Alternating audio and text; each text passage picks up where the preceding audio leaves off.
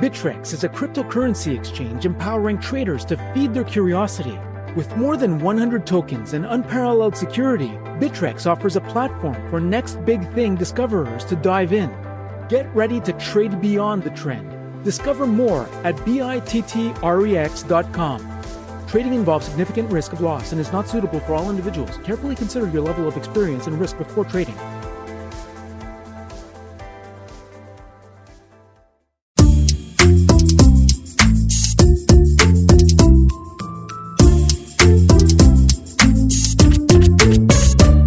Herkese merhaba. İşte Gelecek podcast serimizde bugün BSH Türkiye CEO'su Gökhan Sığın'ı konuk ediyoruz.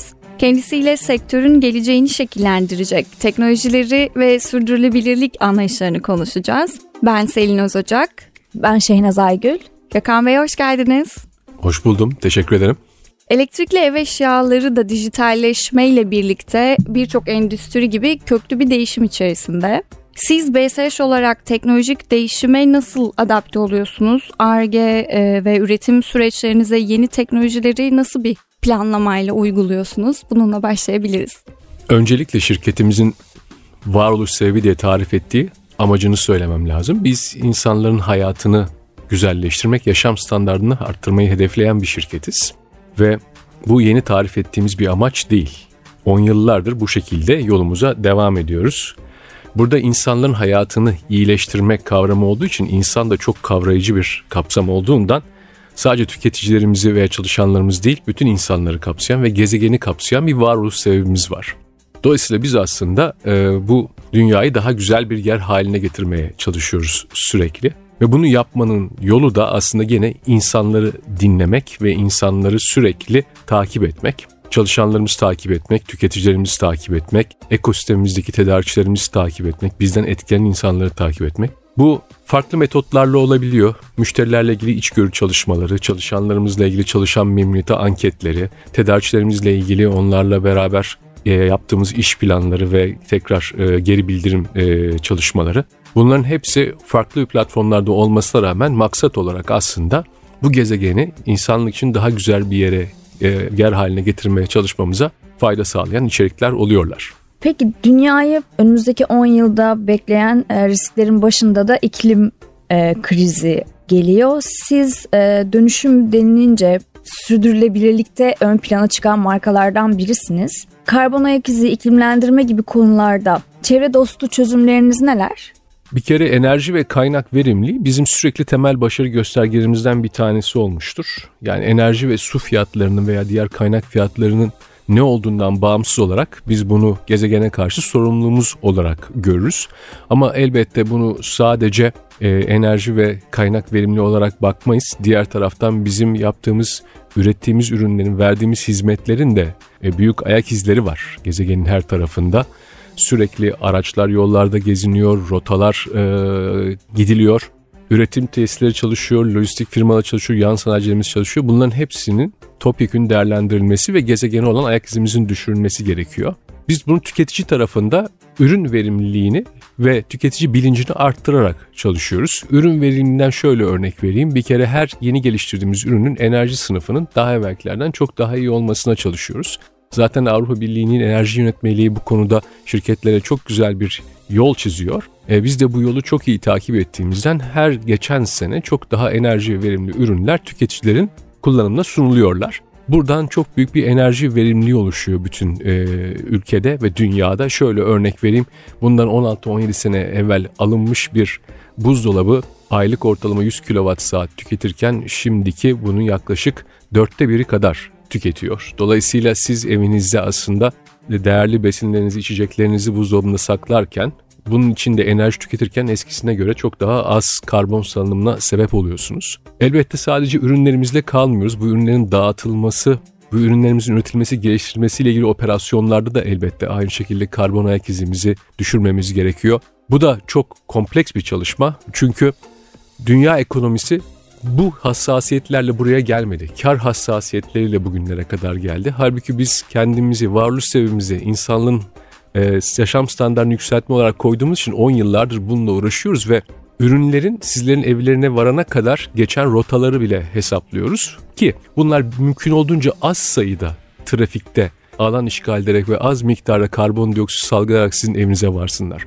Aynı şekilde tabii bu maddi bir fayda da yaratıyor herkese. Yani aslında gezegen için yapılan çalışma size maddi fayda olarak geliyor. Çünkü siz müşterinin evine bir defa da varmaya çalıştığınız zaman cihazlar veya e, gönderdiğiniz aksesuarlar daha az hasarlanıyor ve daha az elleçleme oluyor ve bakıyorsunuz aslında ülkenin sermayesi de daha iyi kullanılmış oluyor. Yani aslında sizin gezegeni korumak için yaptığınız bir rota çalışması yani Hakkari'de Yüksek Ova'da bir eve gidecek cihazın mümkün olduğunca az hareketle gideceği yere varması gezegen için çok büyük bir katkı. Aynı zamanda şirketler için de maddi fayda. Yani bu yatırımları yapmak için aslında sistem kendi kendini destekliyor. Bunu söyleyebiliriz. Ama elbette karbon ayak izimizle ilgili sadece buna da bakmıyoruz. Bir karbon nötr olmak var. Ee, bir de net sıfır olmak diye bir kavramlar var. Biz karbon nötr olduk zaten çünkü çok evvelden bu hedefi koymuştuk. Ama bu bizim için yetmiyor. Bizim net sıfır olmamız gerekiyor.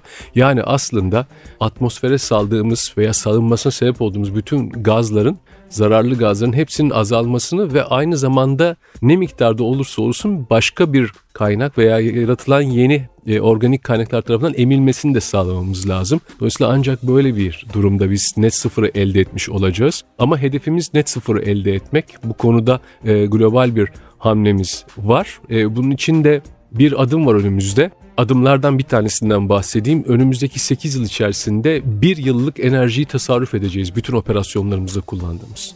Şöyle söyleyeyim yaklaşık 750-800 dönüm civarında fabrika alanımız var Çerkezköy'de. E, Türkiye'nin her tarafında e, call center'larımız, müşteri ilişkileri yönetim merkezlerimiz, bölge müdürlüklerimiz var, genel merkezimiz var. Bütün bunları bir araya koyduğumuzda 8 yılda bir yıl enerji tasarruf etmek çok büyük bir hamle. Dolayısıyla biz bu gezegenin atmosferine saldığımız gazları giderek azaltacağız ve bu konuda çok kararlı davranacağız ve demin söylediğim gibi insanlığın yaşam standartlarını arttırmayı hedeflediğimiz için bu alışkanlıklarımızı, bu davranışlarımızı ekosistemimize de yayacağız. Bu şekilde gezegene çok faydalı hareketler yapılacağından eminiz. Sadece bizim tarafımızdan değil, bizimle beraber çalışan ve bizi takip edenler tarafından da. Peki ben biraz tüketici beklentilerine de girmek istiyorum. Siz tüketicilerin beklentilerini nasıl ölçümlüyorsunuz? Üretim süreçlerinize bunları uyumlamak belli zorlukları da beraberinde getiriyor mu? Tüketiciyi takip etmek hem çok kolay hem çok zor bir şey. Kolay tarafı şu, e, tüketicilerimiz bize çok güzel geri bildirim veriyorlar. E, zor tarafı da bu geri bildirimi o kadar çok kaynakta veriyorlar ki bizim bunların hepsini dinlememiz gerekiyor sosyal medya dünyasındayız, e-commerce dünyasındayız. Dolayısıyla bütün bu sitelerde, bütün bu e, arayüzlerin hepsinde tüketicilerimiz ürün ve hizmetlerimizle ilgili değerlendirmelerini kendi istedikleri zaman koyup yayınlayabiliyorlar ve biz bunları hangi mecrada olursa olsun her gün takip ediyoruz. Takip etmekle de kalmayıp sadece bu takipleri aksiyon haline getiriyoruz. Çünkü bizim bu takipleri yapan ve bu takiplerden e, gerekli kodlamaları yapıp aksiyon planları çıkaracak ekiplerimiz var. Ve bu ekipler de özellikle yeni çalışma düzeninin getirdiği bir ortamda çok disiplinli çalışma grupları oluyor, çok fonksiyonlu çalışma grupları oluyor ve tüketicilerin bu arayüzlerden bize ilettikleri bütün değerlendirmeleri bir süzgeçten değerlendirmeden geçirip hangi fonksiyonumuzun alanına düşen geri bildirim varsa derhal oraya gitmesini sağlıyorlar. ARGE departmanımız da alıyor bu geri bildirimi. E, kurumsal e, iletişim departmanımız da alıyor. Satış departmanımızda, pazarlama departmanımızda, medya planlama departmanımızda hepsi ayrı ayrı alıyor. Bu tüketiciyi bu şekilde takip etmek aslında işin hedefi tüketici yani e, tüketiciyi siz doğru dinlediğiniz zaman diğer bütün fonksiyonlarınızı doğru hizalayabiliyorsunuz. Çünkü tü, tüketici size bütün ipuçlarını veriyor işlerinizi daha iyi yapabileceğinize dair. Daha az enerji tüketen cihazlar istediğine dair, daha kurumsal sorumlulukları daha yüksek olan bir e, firmanın ürünü almak istediklerine dair bütün bu geri bildirimler size geri geliyor. Yeter ki siz bunları doğru şekilde bir an evvel şeye koyunuz, e, uygulamaya koyunuz. Çünkü tüketici verdiği geri bildirimi değerlendirildiğini ve aksiyona geçildiğini gördüğünde bunu tekrar tespit edip sizi bunu geri bildirimini tekrar biliyor. Biz bunu çok yaşadık. Ee, özellikle e, Türkiye'de son dönemlerde salgın ve daha sonrası yaşadıklarımızla biraz morali düşen ülkede biz Türkiye'nin morale ve heyecana ihtiyacı olduğunu öyle bir kapanma döneminde düşünüp iletişim faaliyetlerimizi hiç kesmeyip tam tersine arttırmıştık. Çünkü evlerde kalan insanların daha doğru bilgileri almaya ve daha doğru yönlendirilmeye ihtiyacı vardı. Biz de sorumluluğumuzdan hiç ödün vermedik burada. Kendimizi açtık ve oldukça iyi geri bildirimler aldık. Hem ürün tercihi olarak hem de gerçekten yaptığımız şeylerin doğruluğunu e, takdir eden yorumlar olarak ve bu ayrıca şirketimizin çalışanlarını çok motive etti. Ee, bir şirketin çalışanlarının tüketicilerinden kopuk olmamasını sağlıyor bu yeni çalışma düzeni ve açıkçası bizi çok daha atak ve iyi bir firma haline getiriyor. Ee, ben sektörle ilgili size bir soru yöneltmek istiyorum. Ee, daha doğrusu sektörün geleceğiyle ilgili. Teknolojik kodlarını nasıl görüyorsunuz? İleride sektörü bekleyen dönüşümler neler olacak? Yine tüketicinin beklentileri ve daha iyi bir dünyaya sahip olmak için birliklerin açıkladığı enerji regülasyonu ve diğer kaynak regülasyonlarının belirlediği çerçevede bir dünyaya gidiyoruz. Teknolojilerimizi bunlar şekillendirecek. Ee, bir kere elbette giderek daha enerji verimli hale gelecek ürünler. Diğeri e, tüketicilerin ev içi konforları çok değerli hale geldiği için ev içindeki konforu arttırmaya yönelik yatırımlar devam edecek. Ama tabii ev içindeki konforun tarifi zaman içerisinde değişti. Bundan 5 sene 10 sene evvel evin içerisindeki konfor kaliteli ve güvenilir bir ürüne sahip olmakken bizim sektörümüz açısından bugün baktığınız zaman tüketicinin sosyal medya alışkanlıklarına da cevap verebilen cihazlar olması daha çok konfor yaratan bir unsur haline geldi. Eskiden fırında yaptığınız bir yemeğin tarifini paylaşmak veya başka birisinin yemek tarifini kendi fırınınıza indirmek bir seçenek değildi, aklınıza gelmiyordu ama bugün Özellikle yeni gelişen tüketici kitlesinde bu tür beklentiler var. Dolayısıyla bu tür beklentilere de cevap verebilen ağa bağlanabilir ürünler ve ağa bağlandıktan sonra da elbette gerekli ekosistemle, arayüzlerle etkileşebilen ürünler gelecekte daha çok tüketilecek. Dolayısıyla bu teknoloji de gelecekteki teknolojilerden bir tanesi olacak. Bugün bunu yaşamaya başladık zaten ama eminim çok daha fazla gelişecek önümüzdeki 10 yılda yaptığımız yatırımlarla. Çünkü sadece biz değil bütün rakiplerimiz de bununla ilgileniyor. Eminim çok güzel çözümler ortaya çıkacak. Enerjiden bahsettik. Kaynak verimliliği de enerji başlığı altında değerlendirilebilir. Çünkü çamaşır makinesi ve bulaşık makinesi de evin hijyen ürünleri. Elbette e, bunların da her günün koşulunda gereken hijyen koşulunu karşılarken çok az kaynak tüketmesi gerekiyor. Çünkü dünyadaki en büyük problemlerden bir tanesi çevre ile ilgili mikroplastikler. Gözümüzün görmediği kadar küçük hale gelmiş minik granüller, mikro hale gelmiş plastik parçaları dünyadaki bütün su kaynaklarına karışıyor ve bütün gıda zincirlerine, gıda zincirinin her tarafına girmeye başladı. Dolayısıyla aslında biz e, plastik tüketmeye başladık. E, balıkları yedikçe, balıklar diğer balıkları yedikçe dolayısıyla plastik bizim besin zincirimizin içine girdi. Bu mikroplastikleri engellemek bizim sektörümüzün en büyük yükümlülüklerinden bir tanesi olarak görüyorum ben. E, bu konuda çok çalışma var. Elbette filtreleme tek teknolojileri çok e, bizim sektörümüz açısından önemli olacak. Çünkü atık su salınımında bunun filtrelenmesi ve ondan sonra başka bir şekilde bu atıkların bertaraf edilmesi çevreye çok faydalı olacaktır. Ama esas mesele aslında mikroplastiklerin oluşmamasındadır. Bence e, bizim süreçlerimiz içerisinde bu mikroplastikleri oluşturan veya atık sistemine katan e, mekanizmaların hepsiyle ilgili çalışmaların sektörümüzde de bizde devam etmesi gerekiyor. Dolayısıyla bu teknoloji de belirleyici bir teknoloji olacak. Özellikle duyarlılığı artan tüketici kitlesi sayesinde yani tüketicinin bu konuda yarattığı basıncı ben çok değerli buluyorum. Bunu da eklemek isterim. Biraz değindiniz ama ben yine de soracağım. Belki aklınıza gelen başka örnekler varsa onları da dinlemek isteriz çünkü. Teknolojiyi hayatımıza adapte ederken gezegenimizi nasıl koruyabileceğimize dair çok güzel örnekler verdiniz. Ee, peki gelecekte bizi bekleyen e, daha da duyarlı ev eşyalarımız olacak mı? Elbette olacak. Özellikle ben bu Türkiye'de e, faaliyet gösteriyoruz. Türkiye ile bir şey söyleyeceğim. Türkiye'de bizim sektörümüz çok rekabetçi. E, çok iyi üreticiler var, çok iyi şirketler var. Dolayısıyla bu alandaki rekabet bir kere çok iyi ürünlerin ve çok iyi çözümlerin gelmesine sebep olacaktır. Buna inanıyorum. Bir de şunu eklemek isterim. Gezegenin bilançosu para birimleriyle kapanmıyor. Gezegenin bilançosu karbondioksit, e, sera gazlarıyla kapanıyor. Yani solunda ve sağında bilançonun yazanlar neyse ancak o şekilde netleşiyor ve istediğimiz gezegenin bilançosunun küçük olması. Yani saldığımız gazlarla topladığımız gazların az miktarda olması. Hani büyük problem yaratıp büyük çözümler aramaya ihtiyaç kalmaması gerekiyor. Küçük problemler yaratalım. Yani küçük gaz salınımları olsun, az miktarda gaz salınımları olsun operasyonlarımızın ötürü ve bunu da hakikaten doğru yatırımlarla, doğru karbon nötr, karbon net sıfır yaklaşımlarla toplayalım e, gazlardan. Dolayısıyla aslında bundan sonra hiç olmazsa bizim sektörümüzün global ısınmaya katkısı olmasın diye çalışmamız gerekiyor sürekli. Dolayısıyla elbette gelecekteki ürünler de ve ürünleri geliştiren, dağıtan, pazarlayan operasyonlar da çok daha verimli olacak. Biraz önce söylediğim gibi özellikle Türkiye'nin coğrafyasında ürünlerin nasıl dağıtıldığı ve nasıl geri toplandığı çok değerli bir hal alıyor. Yani bir ürün ne kadar enerji verimli veya ne kadar e, e, az ayak izi bırakan bir ürün olursa olsun onun ömrü bittiğinde geri toplanıp geri döngü e, dönüş, dönüşümün içerisine katılması da bir o kadar önemli.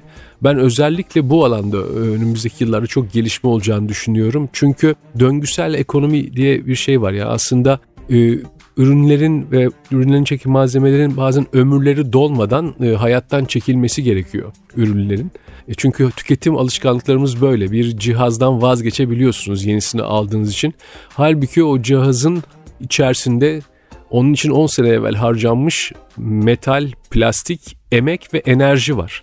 Dolayısıyla sizin onu piyasadan yanlış bir şekilde çekmeniz durumunda bunların hepsi zayi oluyor, buharlaşıyor ve aslında hani demin söylediğim gibi e, karbon gazı salınımı azaltma konusunda mücadeleniz artıyor. Emek israf edildiği için daha aslında pahalıya mal alıyor toplam ekonomiye. Dolayısıyla bu döngülerin kurulması için çalışıyoruz biz özellikle yeni ürünler çerçevesinde. Yani ürünlerin daha verimli kullanılabilmesi, ömürlerinin daha rentable şekilde kişi kullanılabilmesi için çalışıyoruz. Bütün bunların hepsi e, adım gibi eminim gelecekte e, çok daha aya, e, küçük bir ayak izimiz olmasına sebep olacak. Hem tüketiciler olarak hem de şirketler olarak. Aslında tüketici alışkanlıklarımızı değiştiren dönemlerden biri de pandemi oldu. bu dönemde e-ticaretin yükselişi, işte omni-channel sistemlerin daha çok değerli hale gelmesi, sizin de e-ticaret ve perakende tarafındaki yaklaşımınızı sormak isterim. Biz perakendeyi mecraya sınırlamıyoruz. Tüketici bizim ürün ve hizmetlerimizle nerede buluşmak isterse orada buluşabilmeli.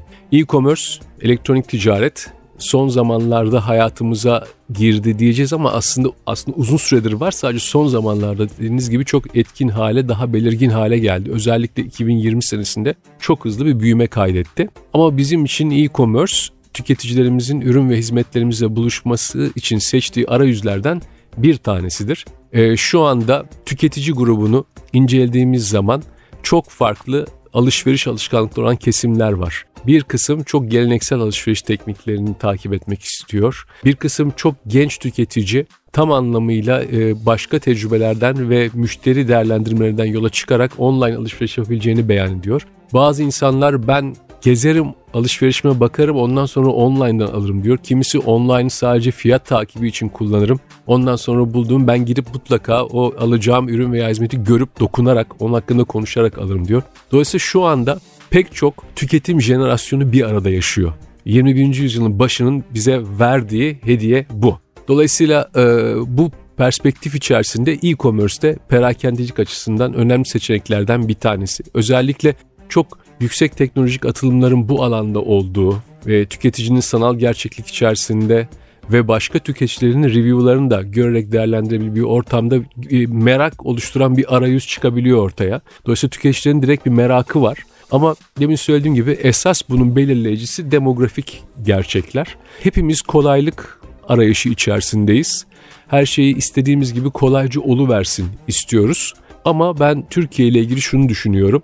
Ee, Türkiye'de beyaz eşya yani bizim sektörümüz ve bizim gene ticaretin yaptığımız, üretip sattığımız küçük ev aletlerinin fiyatlarına baktığımız zaman Türkiye'nin ortalama tüketimine göre bunlar e, oldukça iyi fiyatlı ürünler. Dolayısıyla tüketici açısından bunlar sarf edilebilir ürünler değiller. Yatırım yapılmış bir dayanıklı tüketim malzemesi grubu ürünleri. Dolayısıyla biz tüketicilerin e-commerce'e çok itibar edeceklerini ama geleneksel araştırmaların her zaman yapacaklarını öngörüyoruz. Çünkü bütçeler içerisinde çok büyük bir pay e, ödeme e, çok büyük bir paya ayrılmaları gerekiyor bütçeleri içerisinden.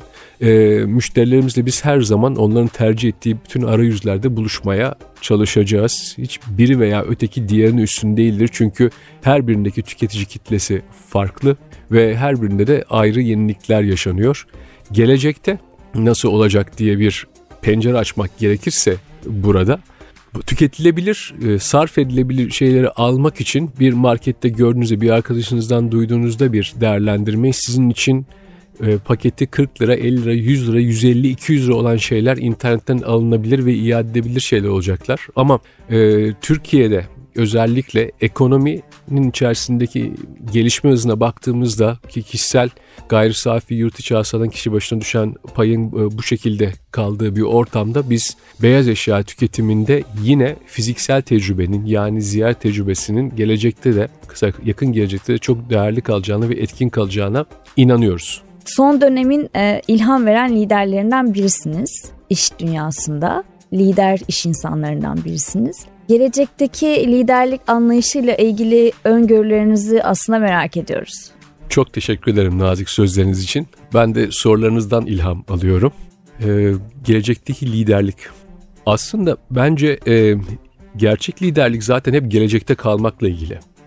Yani o anki yaşanan koşullarla ilgili bir liderlik durumu oluşmuyor.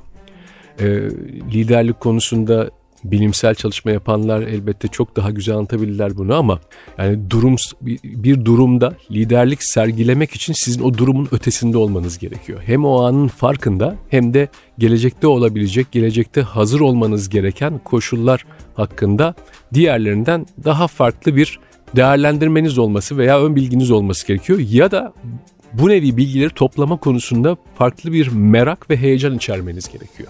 Çünkü bugünkü dünyada bilgi her yerde var. Yani okumak isteyen e, herkes e, bir araştırma yapıp aynı bilgilere varabiliyor. Ama elbette gelecekte bu işler nasıl olur deyip kafasını yoran ve bazı şeyleri merak eden insanların bu bilgileri okuma şekli farklı oluyor. Yani herkes aynı resme bakıp farklı çıkarımlarda bulunuyor. E, dolayısıyla ben burada hani liderliğin gelecekteki tarifi yaparken bugünkü başarılı liderlik de gelecekte başarılı kalmaya devam edecek. Yani aslında işin gerçekten neyle ilgili olduğunu anlayan liderler ve ekiplerini buna göre kodlayan liderler bence ilham verici liderler olarak kalmaya devam edecekler. Hedef birliği sağlayabilen liderler hangi koşul altında olursa olsun e, başarılı liderler olarak kalmaya devam edecekler. Hedef birliğinden şöyle e, özet vereyim. Yani bir panoya yazıp duvara hedefleri asmaktan bahsetmiyorum. Tam tersine kaotik karma karışık bir ortamda kalabalık bir kitleyi hala hedefe odaklayabilen liderden bahsediyorum. Yani ortada illa maddi bir rakam olmasına gerek yok. E, baktığınız zaman Avrupa ekonomilerinin dalgalanmasının oranıyla Türkiye ekonomisinin dalgalanması, Rusya ekonomisinin dalgalanması hele son zamanlarda bakıyorsunuz veya işte Çin'deki ekonomik dalgalanmalar veya gelişmelerle ilgili her tarafın farklı dalga boyları ve farklı frekansları var. E, buna rağmen e, bizim ülkemizde çok başarılı şirketler var. Yani demek ki o kadar iyi bu durum içerisinde odakta, oyunda kalabilen liderler var ki teşkilatlar hiç istikamet kaybetmeden hedeflerine bütün kuvvetle bu ortamda bile gidebiliyor. Yani bu odaklılık ve gerçekten oyunda kalma meselesi bence liderlik açısından önemli. Gelecekte de önemli olacak. Gelecekte bence kaos daha da çok artacak. Neden? Çünkü sosyal medya kullanımı arttıkça e, bir liderin gündemini etki edebilecek girdilerin miktarı artıyor. Yani bir ürününüzle ilgili bugün 1500 yorum yapılırken belki ileride 25 bin yorum yapılır hale gelecek. Bir eyleminizle ilgili, bir ak- aksiyonunuzla ilgili şu anda 300-500 yansıma alırken ileride 5 bin, 10 bin belki 50 bin yansıma alacaksınız. Rakamların büyüyor olması aslında hani bakıldığında hani kaosu arttırıyor gibi gözükebilir ama hedefte kalmak için aslında aynı şeydir. Sadece sosyal medyaya dahil olmayan insanların dahil olmaya başlaması ve sesini çıkartmaya başlaması olarak değerlendirebilirsiniz. Bunu herkes okumaya okuyamayabilir bu şekilde. Ama gene e, bu kadar çok sesli bir ortamda hedefte büyük bir ekibi tutabilmek bence gelecekteki liderliğin en önemli e, unsurlarından bir tanesi olacak ve elbette insan kalması gerekiyor liderin. Duygularıyla kendisini daha çok ortaya koyması gerekiyor. Çünkü bugün içinde bulunduğumuz koşullar aslında matematiksel ve mekanik pek çok şeyin algoritmalarla çözülebildiğini gösteriyor. Ama gerçekten demin söylediğim gibi kaos ortamında büyük bir kitleyi hedefte tutabilecek, istikamette tutabilecek e, ve hala o gün ihtiyacı olan ilhamı oluşturabilecek liderliğin bunların ötesinde yani o gerçeklik anının farkında olarak duygularıyla da insanlara ihtiyaç olduğu güven ve öngörülebilirlik alanını oluşturması gerekiyor. Gökhan Bey iyi ki geldiniz. Bugün paylaştıklarınız eminim ki sadece bize değil tüm endüstrilere ilham olacak. Çok teşekkür ederiz. Ben çok teşekkür ederim. Beni davet ettiniz. Çok keyifli bir zaman geçirdim sizinle. Umarım bu güzel sohbet, sorularınıza verdiğim cevaplar bu dünyayı daha güzel bir dünya haline getirir.